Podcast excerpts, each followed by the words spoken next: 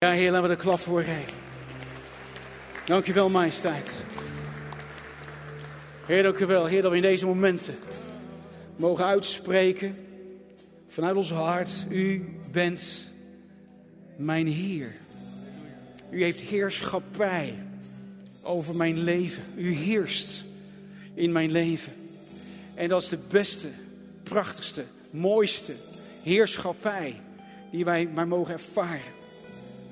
Want de heerschappij vanuit de wereld, de heerschappij vanuit het rijk der duisternis, is een heerschappij van onderdrukking, van pijn, van verdriet, van afwijzing, van echtscheiding, van dood. Heer, maar uw heerschappij brengt leven. Uw heerschappij brengt gezondheid. Uw heerschappij brengt redding. Uw heerschappij brengt herstel. Uw heerschappij heeft het laatste woord. Dank u wel, Vader, dat de duisternis ook in deze stad niet het laatste woord heeft. Maar Jezus heeft het laatste woord. Halleluja, Vader. Uw heerschappij spreken we uit over de stad Rotterdam en omstreken. In de naam van Jezus. In de naam van Jezus. In de naam van Jezus. Dank u wel, Vader. Dank u wel, Vader. En ik heb iets op mijn hart om te doen. Nu we zo bij elkaar zijn in die lofprijs en die aanbidding. En dan zien we hoe de strijd woedt, hoe duisternis aan het toenemen is. Als we allemaal, zoals dit nieuws van de moorden van afgelopen donderdag, zijn over de hele wereld gegaan. En dan zijn wij hier als gelovigen. En dan denk ik dat wij ook een, een taak hebben, een verantwoordelijkheid hebben met elkaar als gemeente. Dat we naar de Heer toe mogen gaan.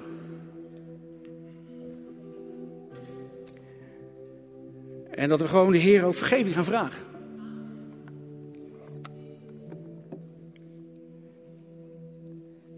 En laten we dat doen met elkaar.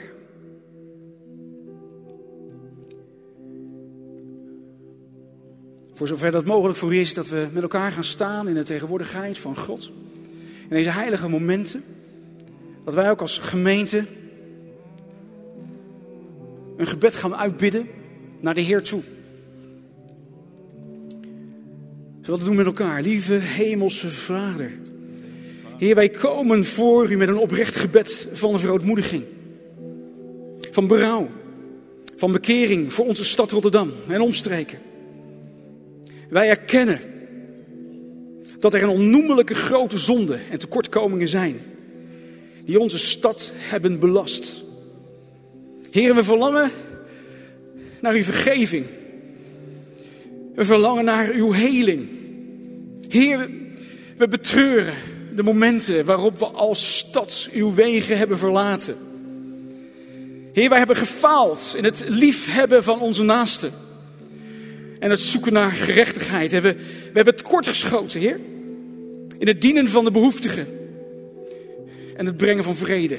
Heer, wij met elkaar als gemeente, als uw lichaam, als uw bruid. Heer, wij beleiden onze zonde. En we vragen om uw genade. Heer, vergeef ons. Vergeef ons, Heer. En zuiver onze stad van alle ongerechtigheid. Laat uw liefdevolle genade stromen. Laat uw liefdevolle genezing stromen. Genezing brengen in onze stad en in alle communities en al die gemeenschappen die daar zijn. Heer, leid ons naar een diepe bekering. Waarin we ons afkeren van zonde en een leven van gehoorzaamheid aan u. Dat we die zullen omarmen. Heer, wij bidden voor een geest van eenheid en samenwerking in onze stad. Heer, laat verdeeldheid en oneenigheid plaatsmaken voor vrede, voor harmonie. Heer, mogen uw liefde onze stad doordringen en elk hart veranderen. Heer, wij bidden voor uw zegen. Heer, we bidden voor uw bescherming van onze stad. Heer, voor al onze leiders, de gezagsdragers en al de inwoners. Laat uw heilige geest in ons midden werken. Zodat we een stad kunnen zijn die uw naam verheerlijkt. Dank u Heer, dat u genadig en vergevingsgezind bent. We vertrouwen juist ook op uw genade om onze stad te vernieuwen en te transformeren. In de naam van Jezus bidden we. In Jezus' naam. Amen. Oh Jezus. Oh Jezus. Vader, reinig deze stad. Vergeef ons, Heer. Vergeef ons. Vergeef ons, Heer. Want u heeft een belofte ook ons gegeven dat u uw geest uit zal storten. Op al het vlees, Heer. En uw geest is uitgestort op die Pinksterdag. En Heer wil het opnieuw zien en opnieuw zien en opnieuw zien.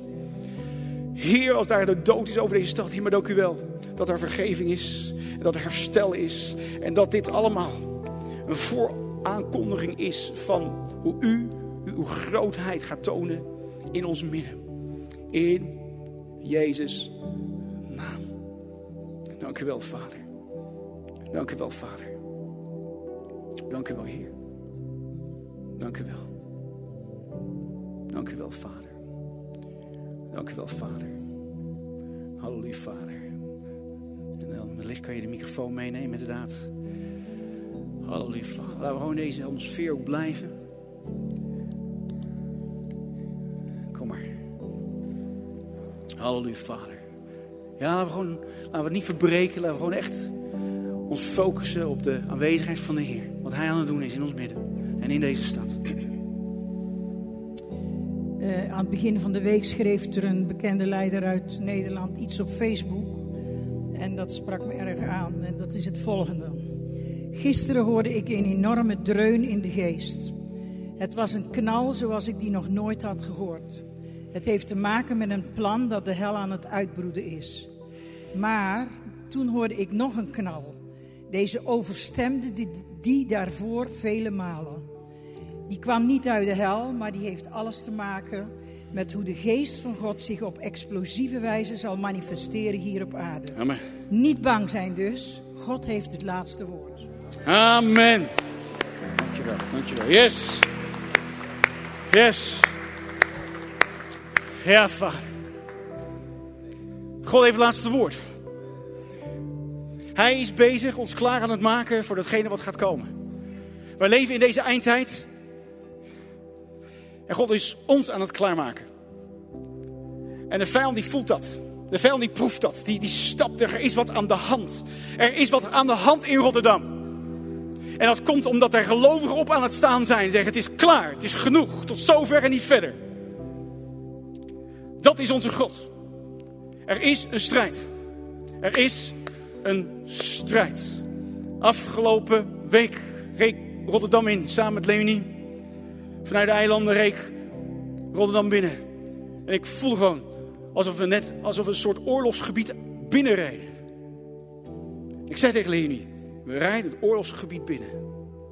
En wat gebeurde er? Wat gebeurde er? God is ons aan het klaarmaken. En zijn geest woont in jou. En dat is zo mooi. Dat is zo krachtig. En God wil ons als het ware meenemen. En plaatsen op een ander niveau. Waarop je dan als het ware kan gaan kijken op een manier. Wat veel dichter is bij de manier waarop God er naar kijkt. Want vanuit ons, ons menselijke oog. Dan kan het zo bedreigend zijn. En het is ook bedreigend. Maar op het moment dat we er met de ogen van God gaan kijken, dan gaan we alles bezien vanuit een heel ander perspectief. Dat is, want, want hij zegt, mijn gedachten zijn vele malen hoger. Dat we ons daaraan mogen vasthouden in de tijd waarin we nu leven. Maak je klaar. Maak je klaar. Maak je klaar. Als er ergens ooit een tijd is aangebroken, dan is het echt nu dat we ons klaarmaken voor datgene wat God aan het doen is. Hij is al bezig. Hij is al aan het werken. Dit zijn allemaal die voorweeën. Als het ware de harde buiken. Voor degene die dat wel eens meegemaakt heeft. De harde buiken. Als een soort vooraankondiging van hetgene wat God gaat doen die geboorte. Er gaan heel veel zielen geboren worden. Halleluja. God gaat dat doen. Halleluja, Vader. Dank u wel, Jezus. Dank u wel, Vader. Dank u wel, Vader. Dank u wel, Vader. Dank jullie wel.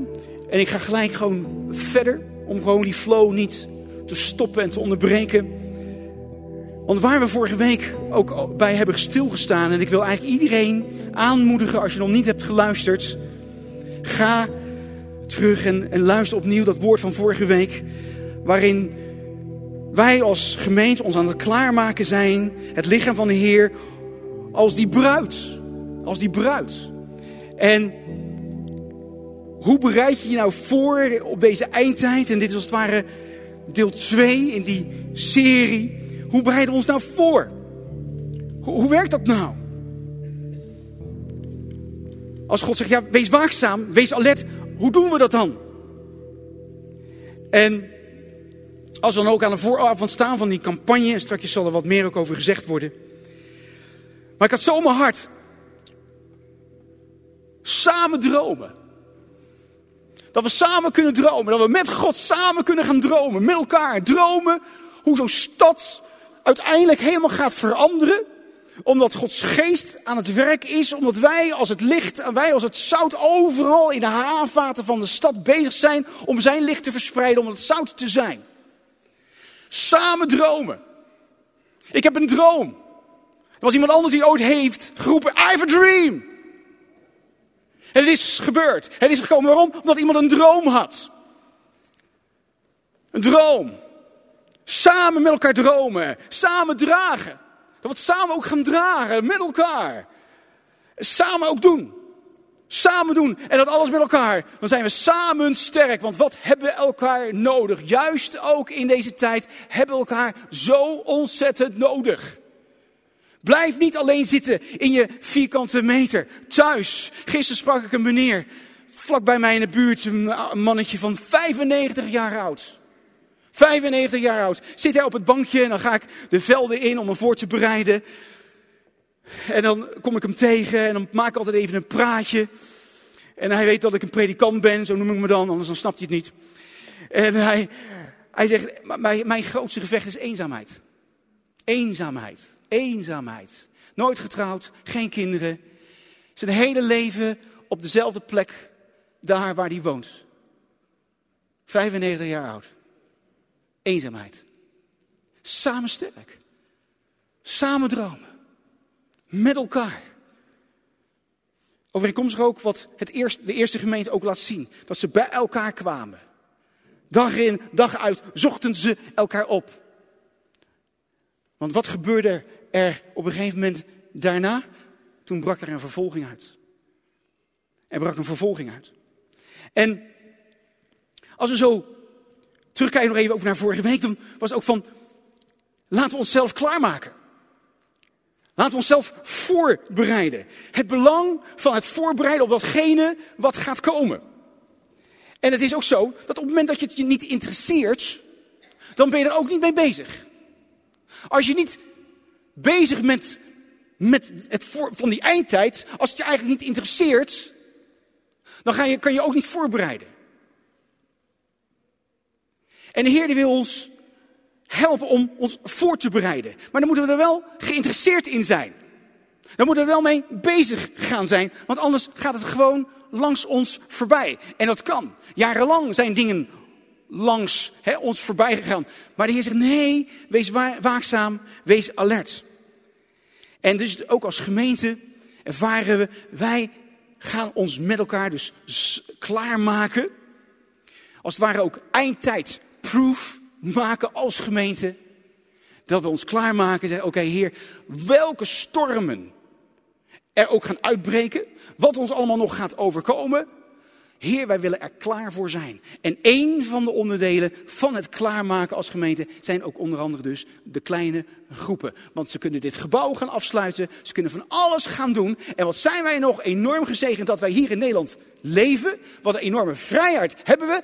Maar hoe lang gaat het nog duren? En dat we ondertussen klaar aan het maken zijn om te zeggen, oké, wat er ook gebeurt, we kunnen altijd door. We kunnen altijd door. En we gaan ook door. En dat is wat God ons op het hart heeft gelegd. Maar ben je ook klaar voor een plotselinge twist? Het is net alsof soms God een soort tweesporenbeleid voert. Aan de ene kant heb je de tijd om je voor te bereiden. Je gaat naar school. En dan kan je je voorbereiden. Allerlei andere dingen die op je pad komen, daar kan je rustig op voorbereiden. Maar er zijn ook soms momenten dat je je dus niet voorbereid bent. En dingen gebeuren, ze overvallen je. En dan ben je er helemaal niet klaar voor. Dan ben je er gewoon helemaal niet klaar voor. Dan overkomt het je. En dan denk ik, oh heer, wat moet ik nu gaan doen? Dus net alsof er twee dingen zijn. En Jozef, want dat is eigenlijk waar ik dit vanochtend aan op wil hangen. Het leven van Jozef. Plotseling werd, werd Jozef in een put gegooid. Hij heeft zich er niet op voor kunnen bereiden. Hij had een droom gekregen. Hij heeft zijn droom verteld. Over de zon en de maan en de sterren. En die schoven, die gingen allemaal buigen voor hem. En in zijn, in zijn tienerleeftijd, op zijn tienerleeftijd, in zijn enthousiasme, heeft hij dat verteld. Van kijk nou eens wat ik heb gedroomd. Hij had wijzer geweest wellicht om het niet te vertellen. Soms is het wijzer om bepaalde dingen niet te vertellen. Soms is het wijzer om het eventjes het voor je te houden. Heb jij dat wel eens meegemaakt? Dat je iets hebt gezegd en het vloept uit en je denkt, oh wat dom, had ik het maar niet gezegd. Maar het is al uitgesproken. En Jozef had het uitgesproken. En hij baalde. Maar ja, goed, hij wist ook niet beter. Maar er was zoveel jaloezie. we hadden te maken eigenlijk met een dysfunctioneel gezin. En er was zoveel jaloezie. Daar was zoveel haat. Dat ze Jozef in de put hebben gegooid. Zijn broers. Zijn broers. Wat een geweldig gezin. Maar niet huis. En Jozef werd, on the job werd hij klaargestoomd. Hij kon zich er niet op voorbereiden. Ineens zat hij in de put. Ineens liep hij achter die kamelen aan, in die stoet, op weg naar Egypte. Komt daar in een andere cultuur, in een andere omgeving, weg van zijn vader, weg van zijn bescherming. Kon de taal niet spreken, moest die taal ook gaan leren. Hij werd in het diepe gegooid, letterlijk. Letterlijk werd hij in diepe gegooid. Hij heeft zich niet kunnen voorbereiden en ineens werd hij geconfronteerd met een leven waar hij niet voor had gekozen. Het was hem overkomen. Het was hem overkomen.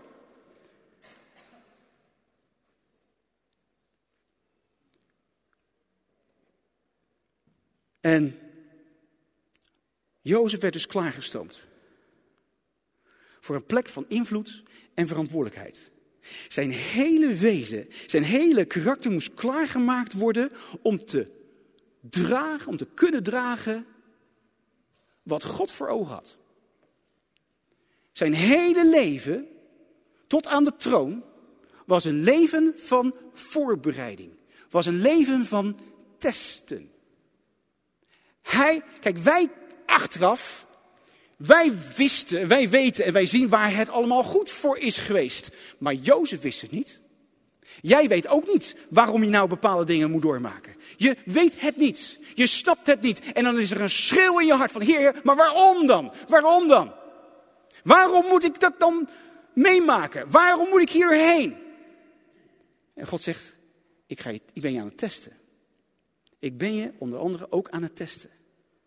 Naast dat natuurlijk aanvallen zijn naar de rake duisternis, maar we hebben ook te maken met een God die gewoon kijkt, wat zit er werkelijk in je? Wat zit er werkelijk in je? En dat is best wel, ja, confronterend. En ook aan de hand van zijn leven zijn er een aantal levenslessen die we kunnen leren van Jozef. Ik vind het zo'n bijzondere man. Deze man heeft laten zien wat het werkelijk is om oprecht te zijn, volhardend, vasthoudend. Je leest over Jozef geen rare dingen. David, hij heeft bepaalde rare dingen gedaan. Mozes, een moordenaar. Allerlei, Paulus. Dus heel veel mannen gods die, die waren niet altijd even zuiver. Maar van Jozef heb ik niks kunnen ontdekken wat aan hem zou kunnen mankeren. En weet je, school, Als je over levenslessen praat, school geeft je eerst de les en daarna de test. En het leven geeft eerst de test en daarna de levensles. Nou, levensles nummertje 1 van Jozef is, Jozef bleef trouw aan God. Jozef bleef trouw aan God. En hij stond daar dan bij die vrouw, de vrouw van zijn baas, Potifar. En de meeste van jullie zullen dit verhaal kennen. Maar Jozef had een bepaalde houding genomen en hij zei: Wat er ook gebeurt, ik wil God, mijn God, trouw blijven.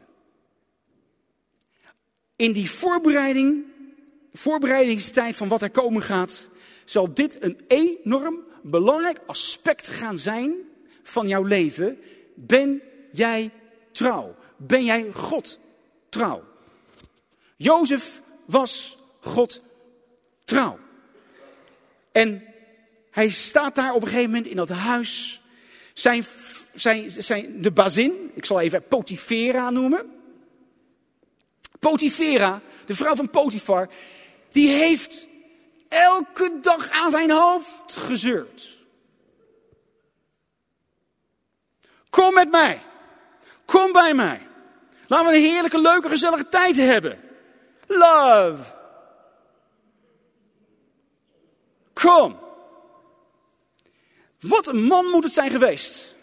Of het moet een vreselijke, lelijke vrouw zijn geweest. Maar hij zei elke keer nee.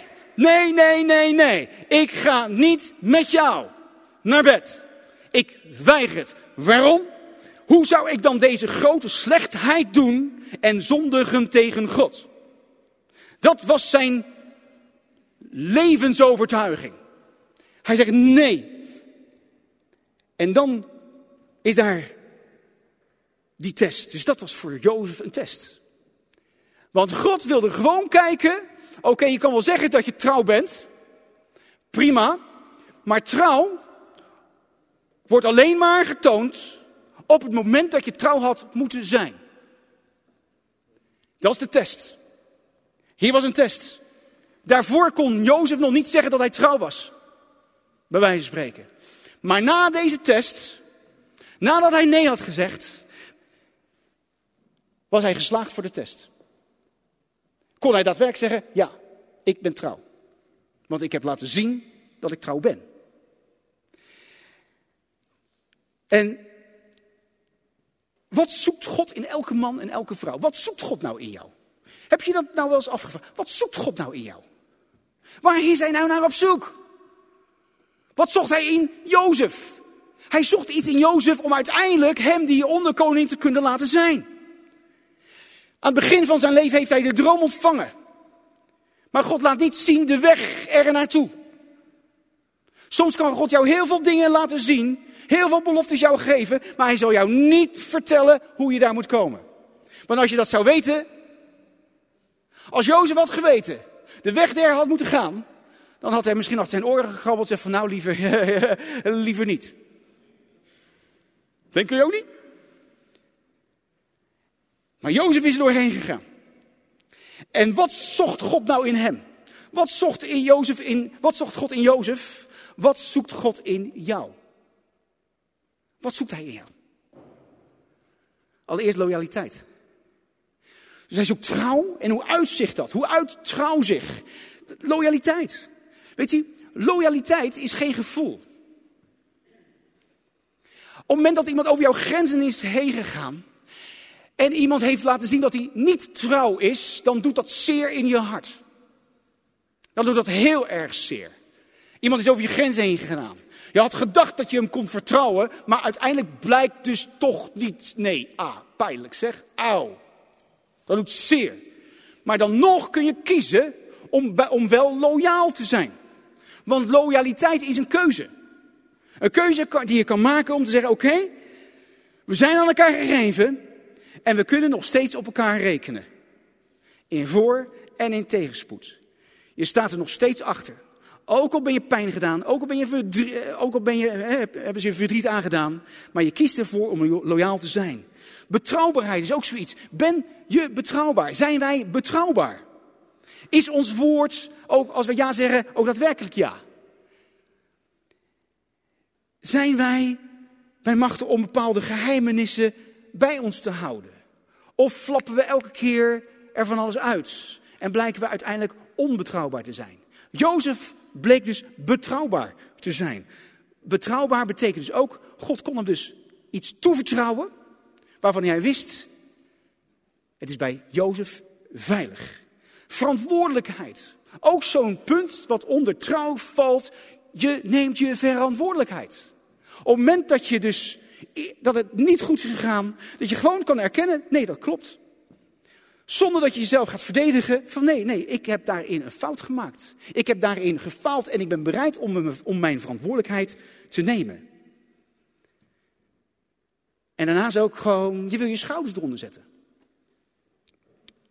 Ik neem verantwoordelijkheid. En toegewijd. Dat is ook zo'n belangrijk woord. Ben je toegewijd? In dat trouw zijn ben je toegewijd. Of loop je de kantjes ervan af? Heb je een hart voor de zaak? het is heerlijk om met mensen te mogen werken die dus trouw zijn, die dus loyaal zijn, die betrouwbaar zijn, die verantwoordelijkheid nemen en die toegewijd zijn. God is op zoek naar deze kenmerken van trouw zijn. God is op zoek naar jou en probeert dat te vinden in jou. En hij zal dat alleen maar naar boven kunnen halen op het moment dat je in de situaties terecht gaat komen, in die levenssituaties, levenslessen, waaruit blijkt, oké, wat komt er nu naar boven? Wat komt er naar boven? Op het moment dat het zich voordoet. Levenles 2. Jozef gaf nooit op. Jozef gaf niet op. Jozef heeft nooit de handdoek in de ring gegooid. Hij werd geconfronteerd met vele moeilijkheden en uitdagingen in zijn leven. Maar hij bleef geduldig. Hij bleef vastberaden. En hij gaf niet om, op. Het zou je toch maar overkomen. Dan word je onschuldig in de gevangenis gegooid. Onschuldig. Je zit daar in de gevangenis. En je ziet je hele leven als een film voorbij gaan. Wat een onrecht. Wat een onrecht. Wat is dit gemeen. Maar in dat alles had Jozef dus, de, dus de houding van ik blijf trouw en ik geef niet op. En hij komt bij de schenker, hij komt bij de bakker in de cel en hij ziet allemaal wat er gaande is. En ze vertellen hem de droom en God laat hem zien wat de dromen betekenen. De bakker die wordt na drie dagen opgehangen. En de schenker die komt vrij. En hij heeft nog zo gevraagd, schenker, vergeet mij niet. Ik zit hier onschuldig. Ik zit hier onschuldig. Ik heb, ja, dat zeggen ze allemaal in de gevangenis. Nee, echt, echt, echt. Ik heb echt, en dat was ook zo, hij was onschuldig. Maar wat gebeurt er? Genesis 40, vers 23. Maar de schenker van de wijn dacht niet meer aan Jozef. Hij vergat hem. Hij vergat hem. Wat is dat erg als je vergeten wordt? Ken je dat gevoel dat mensen je vergeten? Ze zien je niet staan. Ze lopen je voorbij. Ze praten even met je en dan zien ze in hun ooghoek iemand die net wat eventjes, oh, oh, hey, eh, doe je? En ze lopen je voorbij. Je, je voelt gewoon dat je dan eigenlijk te veel bent. Je wordt vergeten. Jozef voelde zich totaal, volkomen vergeten, vergeten. Dat gevoel was daar. Dat waren brute feiten. Hij moest daar doorheen. Allemaal training for raining. Training for raining. Jozef werd getest tot het uiterste om uiteindelijk te kunnen dragen wat in de toekomst in zijn, zijn, zijn verschiet lag. Hij werd getest. God keek gewoon toe En je, ja, maar waar is God dan? God is er altijd geweest. Maar als er een test is, ik weet niet, heeft u ook wel eens een test gemaakt? Wat is het dan stil, hè? Wat is het stil in zo'n testruimte, in zo'n examenruimte? Er mag niet worden gepraat. De docent, de leraar, die zit daar een beetje vooraan en die kijkt toe. Maar jij bent helemaal alleen. Je moet het zelf doen. Want je wordt getest. En God is wat dat betreft ook gewoon iemand die jou af en toe test. Om te kijken, om te ondervinden wat er in jou zit. En dan kan het soms gewoon heel erg stil zijn. Dan kan het soms gewoon het gevoel zijn van Heer, het is net alsof ik dan bid en ik ervaar gewoon een koperen hemel. Waar er helemaal niets gebeurt. En, maar ondertussen, God is daar altijd. Hij zal je nooit in de steek laten. Hij zal daar zijn. En ook al ervaar je het misschien niet, ook al voel je het niet zo, maar daarom is het ook geloof. Geloof is niet een gevoel. We leven niet door gevoel. We leven door. We leven door geloof. En dan vragen mezelf, ik heb me dezelfde die vraag ook gesteld: van waarom geven mensen zo snel op? Waarom geven mensen zo snel op?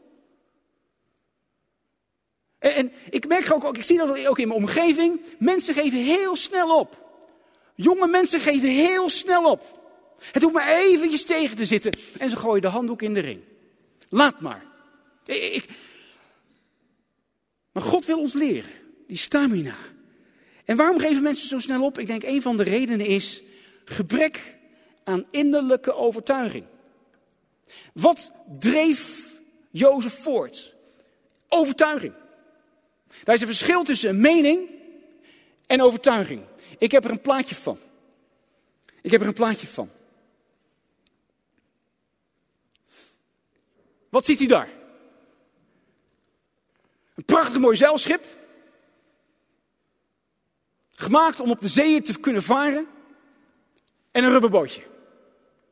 Dat rubberen bootje is als het ware, dat zijn mensen die drijven op hun eigen mening. Ze hebben meningen. Ze deinen voort. En dan horen ze dit. Oh, oh ja, ja, ja hoor, dat ben ik ook, daar, daar ben ik het mee eens. En dan gaan ze, dan dopperen ze verder. oh ja, natuurlijk. En die praten met alle winden mee. Die praten met alle winden mee. Elke keer veranderen ze weer van mening. Ze veranderen van kleur. Ze dobberen, ze dobberen rond. Alles is daar lucht. Met een heel klein laagje plastic eromheen. Deze mensen die drijven op meningen zullen niet kunnen standhouden. Want op het moment dat de storm gaat losbarsten, ze gaan kopje onder. Waarom? Hun leven drijft op een mening. Als Jozef, als zijn leven had gedreven op een mening, had hij nooit onderkoning kunnen worden. Nooit. Onmogelijk. Op het moment dat jouw leven meer wordt gedomineerd door allerlei meningen, dan ga je het heel erg lastig hebben. En misschien heb je het daarom ook wel lastig. God is op zoek naar mensen met overtuiging. Gewoon overtuiging. Dat je weet wie je bent in de Heer. Dat je weet, weet wat er aan de hand is. God is op zoek naar mensen met overtuiging. Want zo'n zeiljacht, dat moet gebouwd worden. Overtuiging, dat moet groeien in je hart.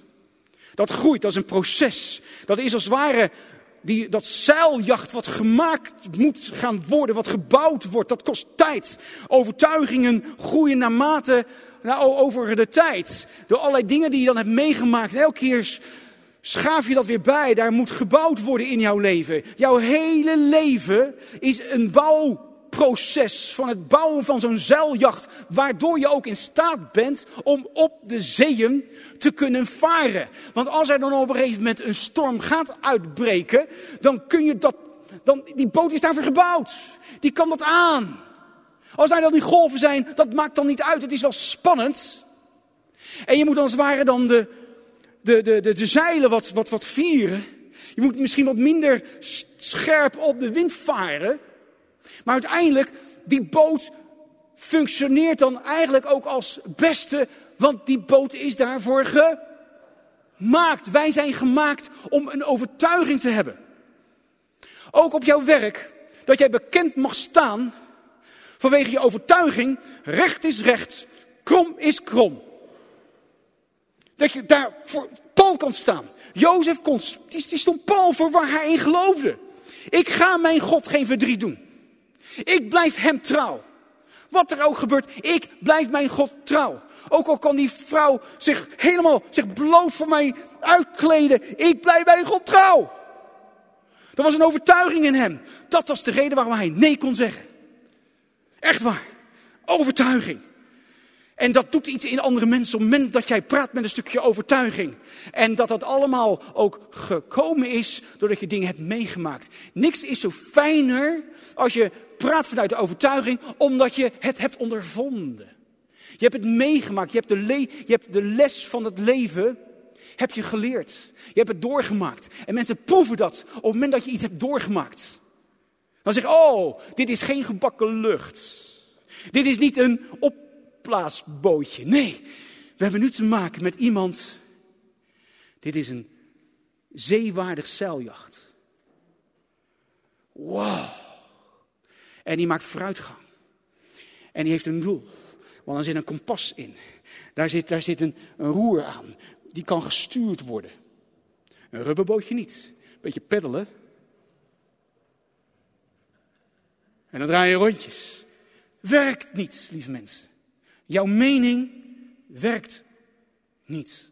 En natuurlijk, op een bepaald onderwerp heb je gewoon een fijne mening. Maar dan, ik hoop dat u mij snapt. Dat je een persoon mag zijn een volgeling van Jezus. Dat drijft op de overtuiging van Gods woord. Dat is wat nodig is. Juist ook in deze samenleving. Want als het allemaal maar duisterder en duisterder gaat worden. Wij hebben de verantwoordelijkheid. Wij kunnen het ons niet veroorloven om mee te gaan praten met alle politieke spelletjes en dergelijke. Nee. En dan praten we over de gender. En dan praten we over alles en nog wat. Nee! Wij zeggen ja tegen de man. We zeggen ja tegen de vrouw. We zeggen, zeggen ja tegen een man en een vrouw die samen trouwen. Daar zeggen we ja tegen. Dus we zijn niet zozeer bezig met wat allemaal niet mag. We zijn niet zozeer bezig met nee. We zijn bezig met ja. Ja, ja, God houdt van ons. Ja, daar is een huwelijk. Ja, man en een vrouw. Ja, dat is wat God voor ons heeft. Ja, daar is verlossing en bevrijding en herstel. Ja. Krijgen we zo'n discussie. We gaan in die zin niet in discussie. We gaan wel in een dialoog, maar niet in de discussie. Want zijn woord is gewoon wat het is. En dat is het gewoon zo. Ja, daar kan je over praten, maar woord is woord. En dat maakt ons vrij. Dat zet ons vrij. Halleluja, Jozef was een man van overtuiging. Wij zijn een gemeente van overtuiging. Wij weten gewoon, dit zegt Gods woord. Ha, en dat is bevrijdend, want Jezus is de weg, de waarheid en het leven. Halleluja.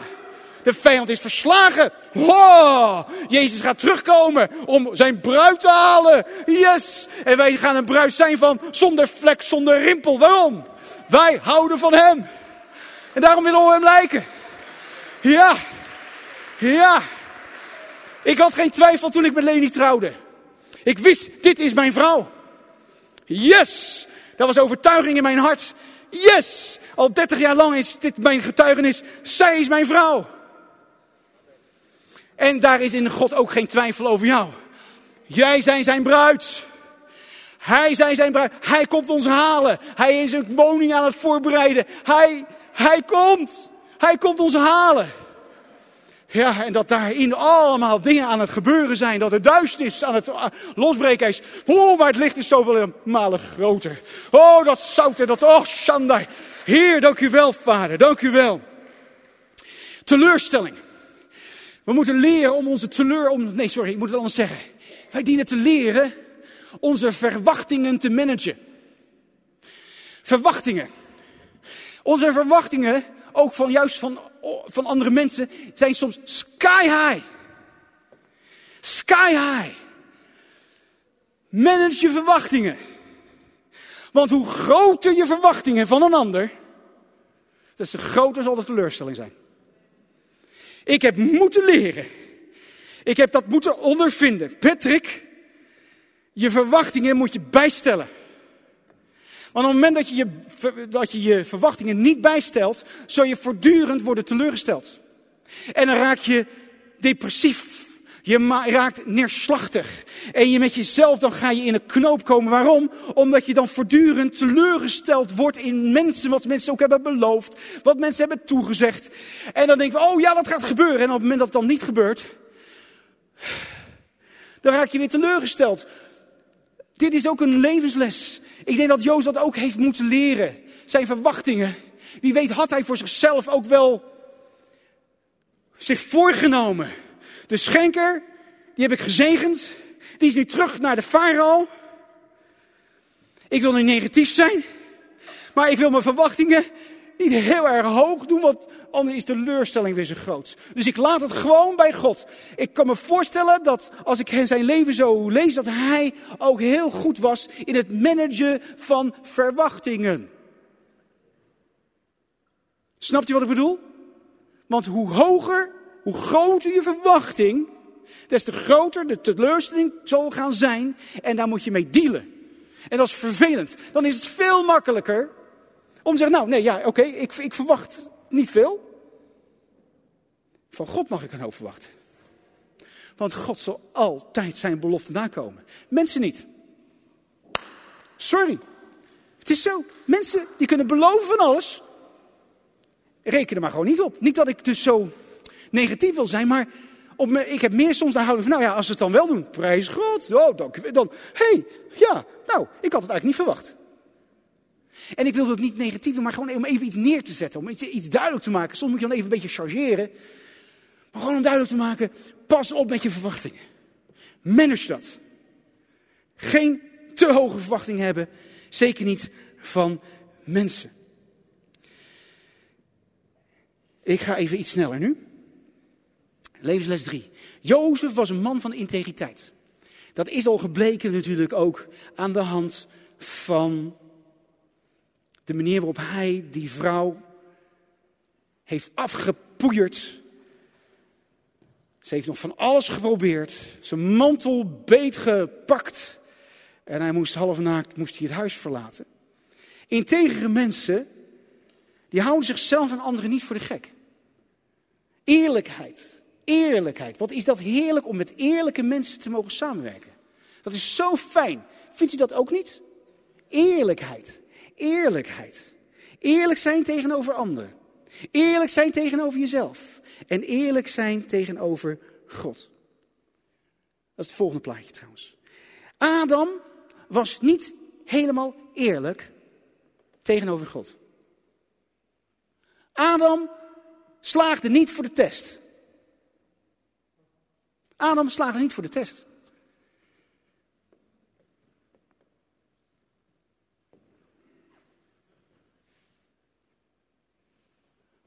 Wie slaagde nog meer niet voor de test? Adam slaagde niet voor de test.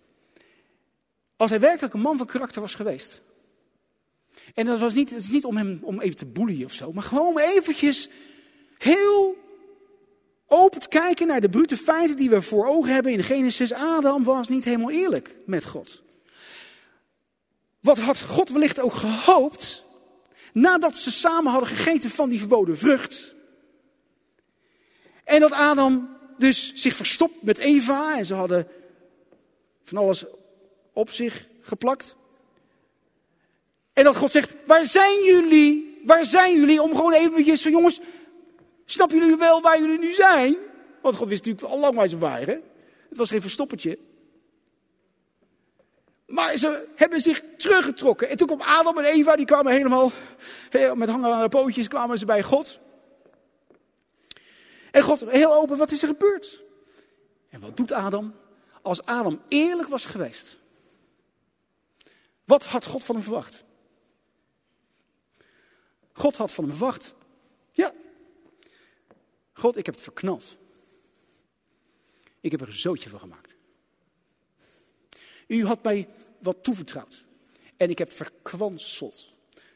Het hele mandaat wat u ons heeft gegeven. Om hier op aarde uw koninkrijk uit te breiden. Heer, we hebben het uit handen gegeven. Heer, ik heb het verknald. Ik, heb ik had mijn vrouw Eva moeten beschermen. Ik stond erbij, maar ik keek ernaar. Adam nam niet zijn verantwoordelijkheid. Adam was niet eerlijk. Was hij niet. Want wat deed hij? Wat deed hij? Wat deed Adam? Hij wees naar die ander. Ja, wat komt hij erbij? Het is die vrouw, die vrouw die u mij heeft gegeven. Zondige natuur. Dat is nou de zondige natuur. En dat zoekt God juist dus in mensen. Zeg, wees jij, ben jij eerlijk? Ben jij eerlijk? Kan ik jou verantwoording toevertrouwen? toevertrouwen? Heel zijn leven van Jozef was één en al voorbereiding. Ook dit was een test. Jozef, ben jij eerlijk? Kan ik jou die invloed toevertrouwen? Levensles 4. Jozef was vergevingsgezind. Dat vind ik zo mooi. Jozef was vergevingsgezind. Hij hield niet wrokvast naar zijn broers. Natuurlijk was het moeilijk. Natuurlijk was het zwaar. Van alles was allemaal gebeurd. Maar wat zegt hij uiteindelijk? Vergeef toch de overtreding van de dienaren van de God van uw vader. En Jozef huilde toen ze met hem spraken. Jozef was vergevingsgezind. Hij, hij was er kapot van. Maar in dat alles zag hij de hand van God. Want uiteindelijk zegt hij: Wees niet bedroefd, zegt hij tegen zijn broers. En laat je niet aan het hart gaan dat jullie mij hierheen verkocht hebben. Want God heeft mij voor jullie uitgezonden tot behoud van leven. Want dat was, denk ik ook, een van de levenslessen van Jozef. Hij hield zich vast aan Gods belofte voor zijn leven. Dat was een belofte. En in dat alles, wat hij allemaal heeft moeten doorstaan, heeft hij zich vastgehouden aan de belofte. Heeft God jou een belofte gegeven? Heeft God jou een belofte gegeven? God wil jou een belofte geven. Als er, als er dingen zijn in jouw leven en daar is een schreeuw, daar is een roep. God wil jou een belofte geven. Toen wij trouwden, ik kreeg van God een belofte. Voordat wij kinderen kregen, God gaf ons een belofte. Toen ik hier ja tegen zei, ik kreeg van de Heer een belofte. God wil jou een belofte geven. Dat betekent, ga hem zoeken. Op je Bijbel, op het woord. Zeg, Heer, mag ik van u? Hou vast. Want wat doet een belofte? Wij allemaal, wij, wij, als je geen belofte hebt, dan vraag bijna, hoe, hoe hou je je dan zelf staande? Als ik geen beloftes zou hebben, dan, dan heb ik geen houvast. Ik, ik heb houvast nodig in mijn leven. En wat is dan niet mooier dat daar een God is die zegt, maar ik heb beloften gegeven. En daarom kan ik je, hou daaraan vast. Hou je daaraan vast. Een belofte van God houdt je op de been.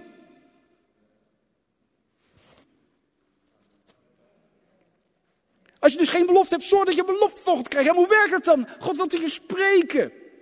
Hij wil jou een woord geven. Open zijn woord. Ga hem zoeken. Laat hem tot je spreken. Ja, hoe werkt het dan? Ga hem zoeken. Ga bidden. Ga vasten. Ga hem zoeken met alles wat in je is.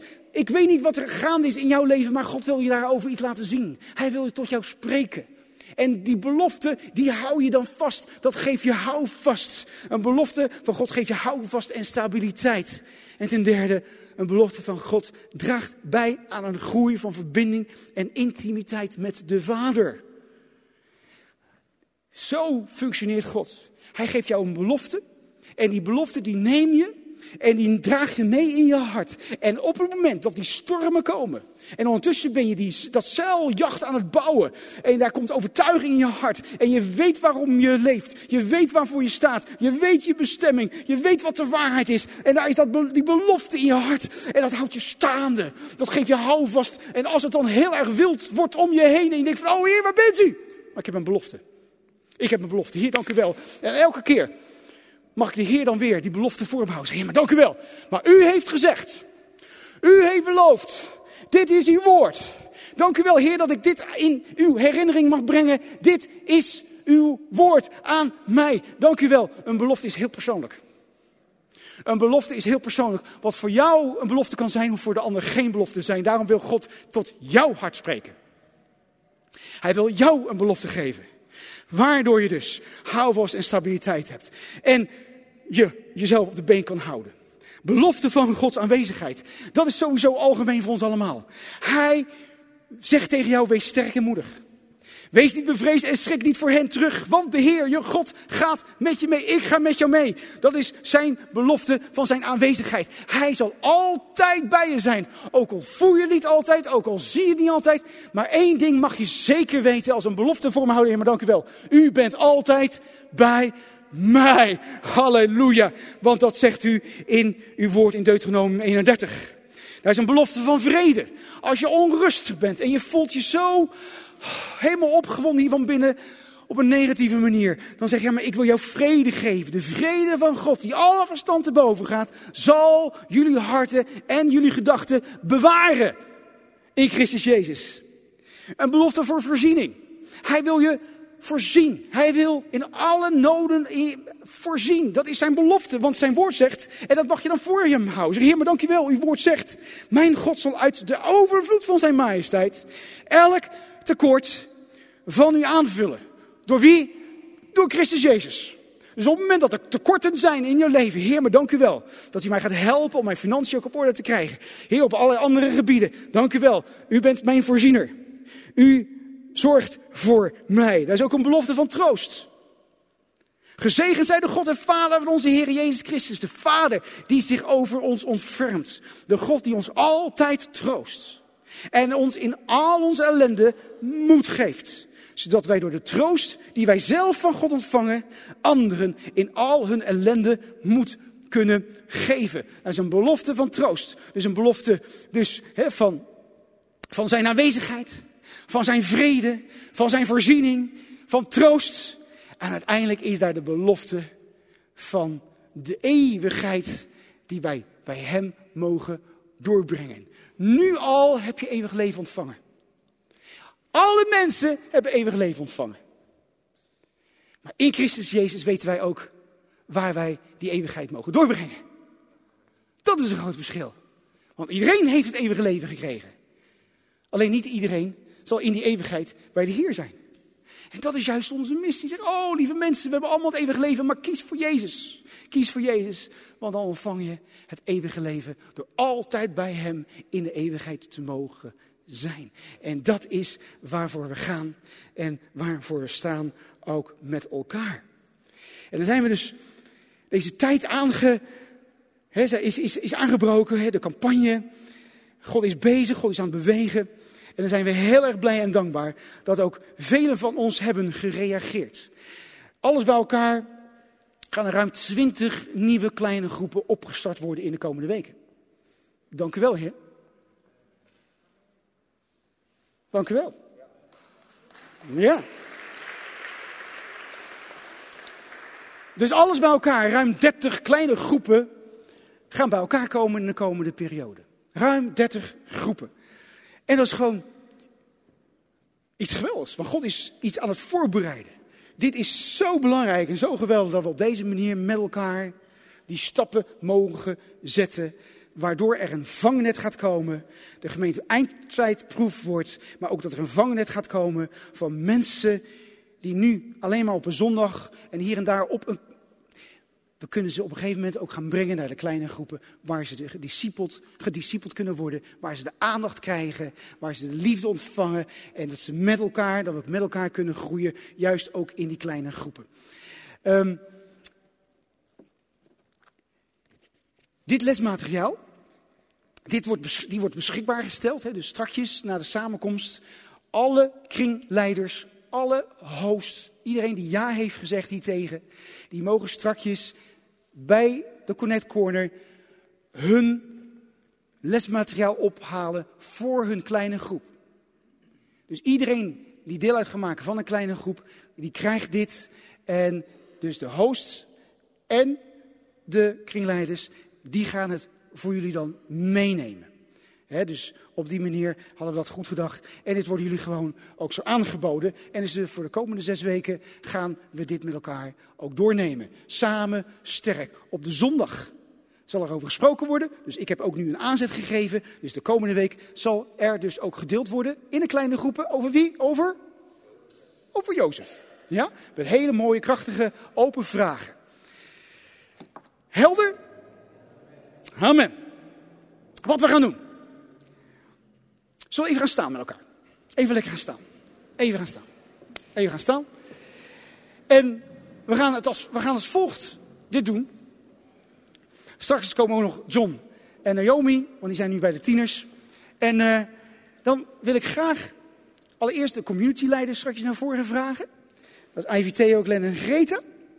En daarna wil ik alle hosts en alle kringleiders naar voren vragen, want we willen u graag een zegen geven. Nou, kijk eens, daar komen ze. Perfect, jullie zijn mooi op tijd. Um, dus ik wil vragen, de communityleiders, of jullie naar voren willen komen. Dat is Glenn, Greta, Ivy en Theo.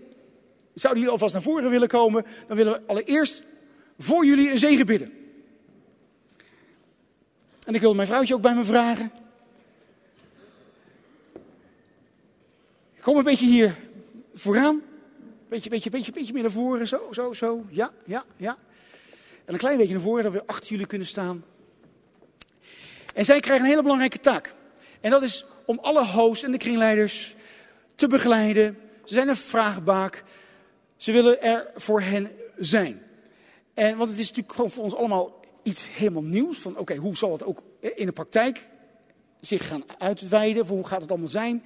We zijn gewoon ook verwachtingsvol. Waarin we de Heer gewoon gaan geloven voor iets groots, iets geweldigs.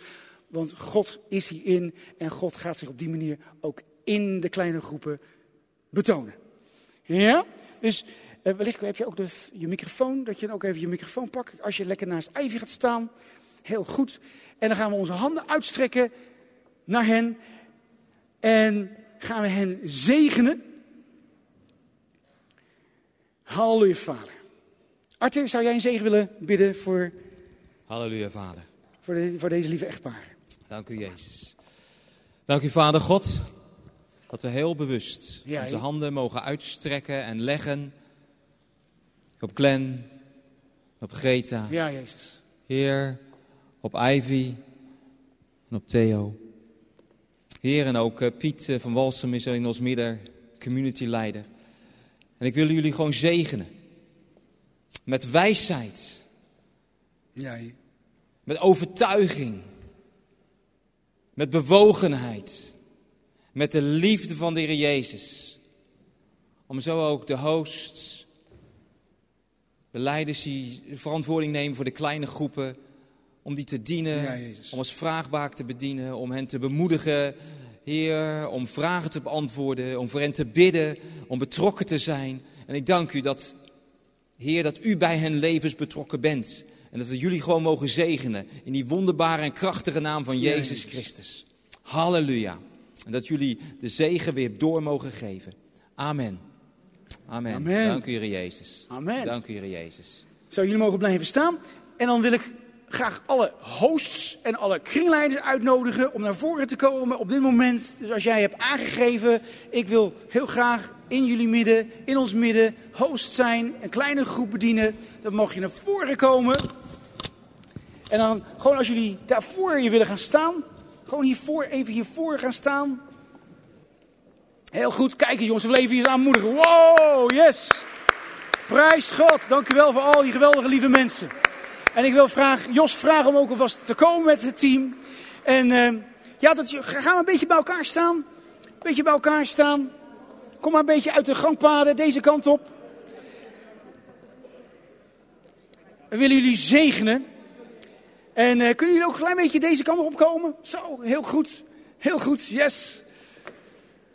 Oh, wat wordt mijn hart blij als ik dit zie. Geweldig. Ik ben, zo, ik ben super trots op jullie.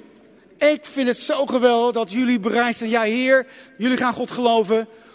Ach, dat in de kleine groepen echt God gaat bewegen, discipelen gemaakt gaan worden. En uh, ik weet, het is allemaal nog in het, aan het opstarten. Maar als God erin is en hij is erin. Ach, geweldig, geweldig, geweldig. Eens even kijken. De microfoon. Ik, vind het, ik zou het fijn vinden. Ik ga aan, aan Glenn de microfoon geven. Dat jij een zegen gaat bidden. Ook over de community, of over uh, de host en kringleiders. Ja? Laten we onze handen uitstrekken naar deze geweldige lieve mensen. Dat we ze gezegend worden. En ik heb Klein gevraagd om die zegen ook uit te spreken. Halleluja. Halleluja. Vader God, dank u voor dit moment. Yes, vader. Dat we met elkaar verenigd zijn voor uw heilig aangezicht. U bent onze God en u bent trouw. Oh yes. Heer Vader, dank u dat wij te maken hebben met een God die trouw is. En uw beloften zijn altijd ja en, amen. amen. Ja en ja. Amen en amen. U wijkt niet af. U bent onveranderlijk, Heer. Vader, op dit moment, als we voor u aangezicht komen, Heer, spreek ik u overwinnende overtuiging uit over alle hosts, Heer. Dat ze zullen gaan, Heer, en dat ze verantwoordelijkheid zullen nemen, eigenaarschap, Heer. en ze ons zal helpen, Heer, om dit, deze zes weken waarmee we beginnen, Heer, voor te gaan, heren.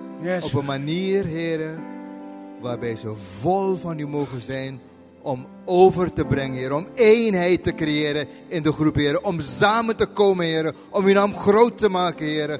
Om integriteit, heren, in de groep te brengen, heren. Om saamhorigheid te brengen, heren. Ik verbreek elke storende geest van het rijk der duisternis in de naam van Jezus. En ik proclameer eenheid eenheid, eenheid, eenheid, eenheid, eenheid, eenheid, eenheid in de naam van Jezus.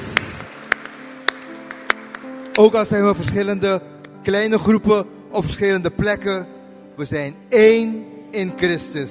En Vader, dank u Heer dat in uw eenheid, Heer, uw liefde gaat doorwerken, Heer. En dat we elkaar zullen zien met de ogen van Jezus. dank u voor uw bloed dat ons gereinigd heeft. Ik prijs uw wonderbare naam, heren.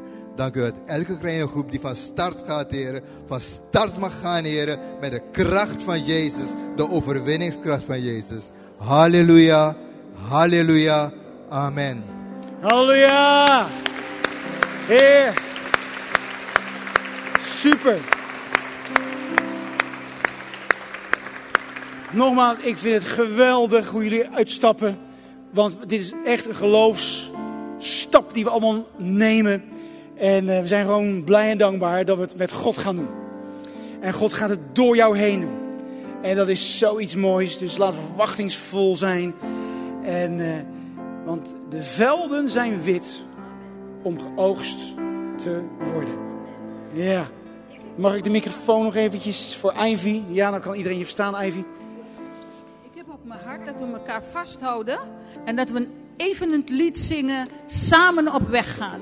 Als een volk dat door God daarvoor apart is gezet. Doe maar, ja, ga maar. Ga, ga je. De meeste van jullie kennen het. Lieve mensen in de zaal ook meezingen, want daar gaat het om. Dat we samen op weg gaan. En dat we ons bewust zijn dat wij het volk zijn die God zelf apart heeft gezet. Ik werd trouwens eerder bepaald bij dat beeld van Satkine. De meeste Rotterdammers kennen dat beeld daar, daar, daar zit het hart niet in. Maar God is ons aan het klaarmaken om bewust te zijn, om te zeggen, ik wil op die plek gaan staan waar dat hart is weggevallen in der tijd. God wil dat wij op die manier, God wil op die manier zijn hart gewoon teruggeven, terugbrengen, terugzetten in Rotterdam. Absoluut. Ja, amen. Dat wil hij. Dat wil hij.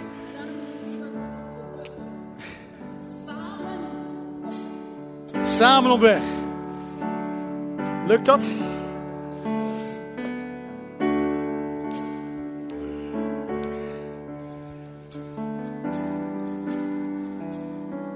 Ik ken het lied niet, dus jullie moeten het inzetten.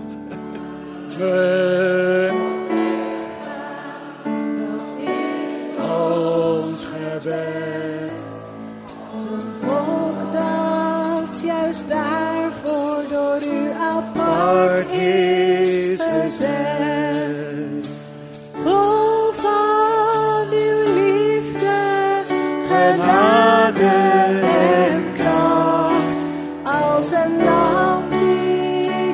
Opwekking 249.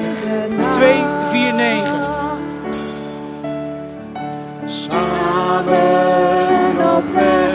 Dat is ons gebed. Dat is ons gebed. Als een volk dat juist daarvoor apart is gezet.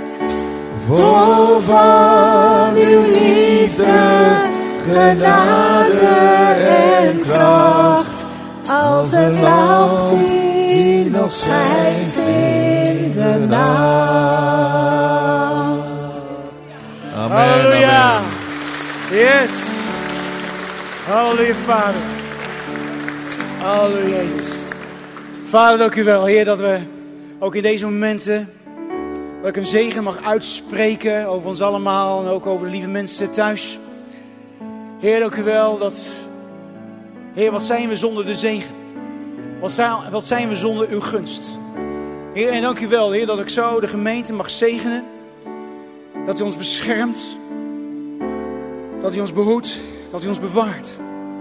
Heer, want wat hebben we u hard nodig? Heer, want we willen ook niet zonder u. We willen niet zonder u gaan. Heer, zoals een Mozes zegt, ja, maar we gaan niet optrekken als u niet voor ons uitgaat. En Heer, dat is ook ons gebed, dat u voor ons uitgaat. Heer, want anders willen we gewoon niet optrekken. Heer, we willen het niet met een engel doen. Nee, Heer, maar we willen het met u doen met u, Heer. Dus Heer, dank u wel dat u voor ons uitgaat. Dat u de weg reeds heeft gebaand. En dat we ook in de komende weken gewoon gaan zien hoe u ons nabij bent. Heer, dat we getuigenissen ge- gaan horen van hoe u heeft ingegrepen in mensenlevens. Van herstel en bevrijding, van genezing, van redding. Heer, want dat is een werk van God. Dat kunnen wij als mensen niet doen. Want wij zijn volkomen afhankelijk van het volbrachte werk van Jezus Christus aan het kruis. En zijn opstandingskracht in ons. Heer, dat ik zo de gemeente mag zegenen. Dat ik in ieder ook de online kijkers mag zegenen. Heer, met de liefde van God de Vader en de genade van onze Heer Jezus Christus. En die fellowship, die troostvolle nabijheid van de Heilige Geest. Zo zijn we allemaal gezegend in Jezus' naam. Amen. Glorie. Yes. Halleluja, Vader. Halleluja, Jezus. Halleluja, Vader.